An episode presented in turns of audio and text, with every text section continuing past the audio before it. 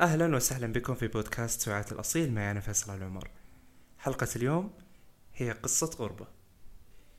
في أحد مقاهي المدينة الفاضلة وجد الصحفي فاضل الغريب الكاتب والروائي مختار الغارب الذي انقطعت الأخبار والقصص حوله منذ ما يقارب الخمس سنوات. من يذكر كيف كانت المكتبات تعج بكتبه يعرف مقدار الفقد الثقافي له.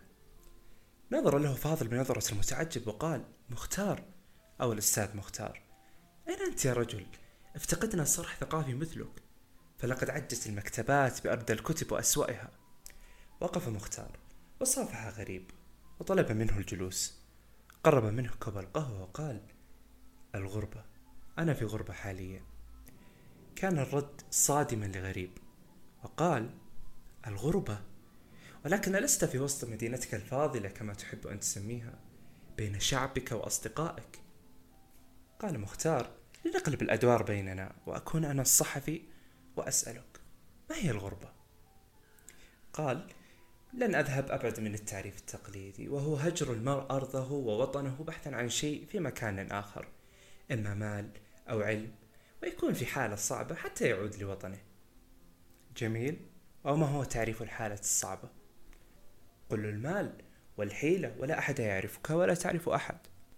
ابتسم مختار. وقال جميل. انظر لذلك النادل الآسيوي. انظر لبشاشته ونكاته مع أصدقائه. انظر لهندامه وهاتفه. يبدو في حالة جيدة ماديا على أقل تقدير مقارنة بغيره. حسنا. انظر هنا. هذه صورة لشاب من نفس الدولة في وطنه بين ناسه وأهله ولكن يبدو عليه الحزن الشديد. تصنف هذه الدولة من أتعس دول العالم. بل من أشدها فقرا ومن أكثرها ارتكابا للجريمة ولم يردع سكانها أرضهم من الشعور بالأسى. عكسا عن هذا النادل الذي يبدو أسعد مما نتخيل ولو أننا نظرنا لداخله ربما اختلف عن خارجه لكنه يبدو سعيدا. بينما ننظر إلى أبناء دولته نجد أنهم تعساء ويرتكبون الجرائم ومعدلات الفقر مرتفعة لديهم وربما هاتفه هذا يعيل عائلة لمدة سنة كاملة هناك هل نستطيع أن نطلق عليه معايير الغربة؟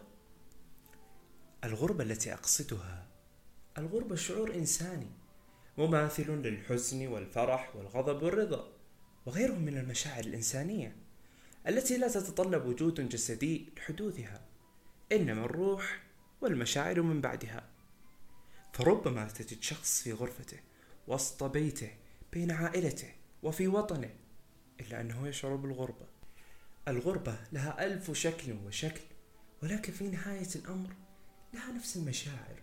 تفاقم الحزن شعور بالنقص سقم تيه.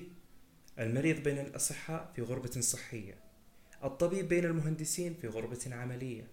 والغربة الدارجة كمفهوم غربة بين الناس وهي أجنبي في وطن مختلف هي غربة أرضية. وهكذا دواليك.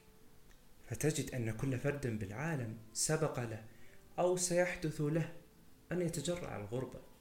بأي شكل من أشكالها النفسية؟ وليس الجسدي وهو الدارج. فلا تستنكر قولي أني بالغربة بالرغم من كوني في وطني. أنا أمر بغربة الأجيال والتي لعلها أشد أنواع الغربة تعذيبا للمرء بعد الغربة النفسية. سأله وقال وهل أنت ساخط على هذا؟ لا أبدا. بالعكس فالغربة هي أحد المشاعر الحضارية. والحضارة يا فاضل هي تسخير الحياة والتكنولوجيا والتطور في سبيل الإنسان. والتطور يأتي بمعنى التغيير حتى. فخذ مثالا غربة الأجيال. إنما هي تعني تطور الإنسان. فرجل عاش مراهقته في 1970 لن يفهم مراهقة أبناء 2021 فيشعر بغربة الجيل. ومن جانب آخر هذا يعني تطور الجيل.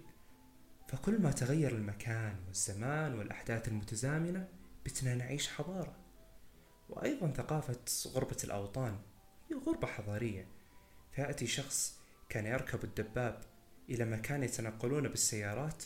هذه نقلة حضارية توجب الشعور بالغربة. فأصبحنا بطريقة أو بأخرى عرضة للتغرب حتى وسط أوطاننا. فالأفكار تغربك والأجيال والمناخ والأسواق وكل ما حولك جاهز أن يجعلك تشعر بالغربة. وأنا مغترب الآن فلا رواياتي باتت تنال إعجاب الأجيال التي يمرون بغربة أدبية. فتجدهم مولعين بحضارة مختلفة وأدب آخر. فأين وجودي كغريب بينهم؟ أما الحل فلا حل هنا. يجب أن تدرك أنه شعور إنساني. فالمشاعر تتغير بتغير المحيط أو لنقل المسايرة. أو بالأصح ثقافة الإنسان يتأثر بمن حوله بمجرد الانخراط بهم فخذ هذا مثالا. الحزين مع أن ينخرط بين السعداء يصبح سعيد والغاضب يحاول تهدئته الساكنون. وكذلك الغريب ينخرط بين أسباب غربته محاولا الاندماج بهم لعله ينسى هذا الشعور الإنساني. فلا تعجب إذا رأيت أجنبي يتقن لغة أهل البلد وعاداتهم وتقاليدهم ويكون قريب منهم جدا. فذاك لأنه استطاع التغلب على التغرب الأرضي. ولكن في خضم الحديث عنها فتتغير المشاعر ولكن تثبت الشخصيات.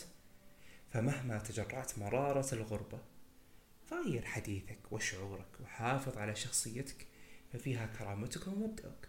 فمثلا لو كنت لا تقرأ وجلست بين أدباء وأصبحت تتحدث مثلهم لا يعني انسلاخك من شخصيتك. بل يعني أنك قادر على التحكم بمشاعرك وآرائك والحفاظ على الثابت الأهم هنا وهو شخصيتك. وقف فاضل وقال آمل أن تتخلص من غربتك قريبا. ابتسم مختار وقال أرجو هذا فكل شعور مآله النهاية لا محالة والغربة شعور عظيم فهي تعطيك دروس عظيمة بعد نهايتها أو في خضم الشعور بها فربما عودتي لكم يا معشر معجبيني سيكون من بوابة تجربة غربتي في وسط أرضي. ختاما الغربة شعور إنساني مشابه للرضا حينما ترضى اليوم وتغضب غدا تفرح اليوم وتحزن غدا. هي مشاعر إنسانية دائمة التقلب لا ترسى على حال. فكن مستعدا لها كن مستعد للشعور بأنك لا تنتمي إلى هذا المكان. وليس كل مرة شعرنا بالغربة وعدم الانتماء لهذا المكان أن نحاول الهرب منه. فأحيانا ربما نكون غرباء في البداية إلا أننا نصبح من أهل الدار وأهل الأرض لاحقا. دائما تعود أن تستخلص الجميل من كل شيء. فتعلم أن الفرح ليس دائم وأن الغضب مصدر اتخاذ القرارات الخاطئة وأن الغربة ليست دائما تعني أنك لا تنتمي لهذا المكان وأن هؤلاء الأشخاص لا يستصيغونك. فربما لك في الغربة ما لا تجده في مكانك الذي أنت تنتمي له أو بالأحرى المكان الذي تعتقد أنك تنتمي له. فهناك عدد كبير جدا من الغرباء الذين يتمكنوا من التعايش مع الوضع وأن يعرفوا أن هذا المكان حتى وإن كان غريبا عنهم ولا ينتمون له. إلا أن إذا عملوا فيه بطريقة صادقة وملهمة واستوعبوا المكان الذي يعيشون فيه استطاعوا العيش والتعايش معه. الفكرة الرئيسية والمهمة هنا أن تتعايش أن تساير أن تمشي كما يمشي التيار. أن لا تحاول أن تحارب في غربتك وأنت غير مستقر نفسيا. فتعتمد الغربة في المقام الأول في بدايتها على أن لا يكون الإنسان مستقر نفسيا. فتعمل على تدميره وتعمل على حزنه. فما أن يتخلص الإنسان من الشعور بالغربة فبإمكانه أن يبدع وأن يتعايش مع هذا المكان ويصبح جزءا مهما منه. وتذكر ربما غريب ناجح خير بمئة مرة من مقيم ينتظر النجاح أن يصله في داره. اخرج تغرب ابحث عن النجاح. فهو الأصل في الشخص المقيم في داره والشخص المغترب.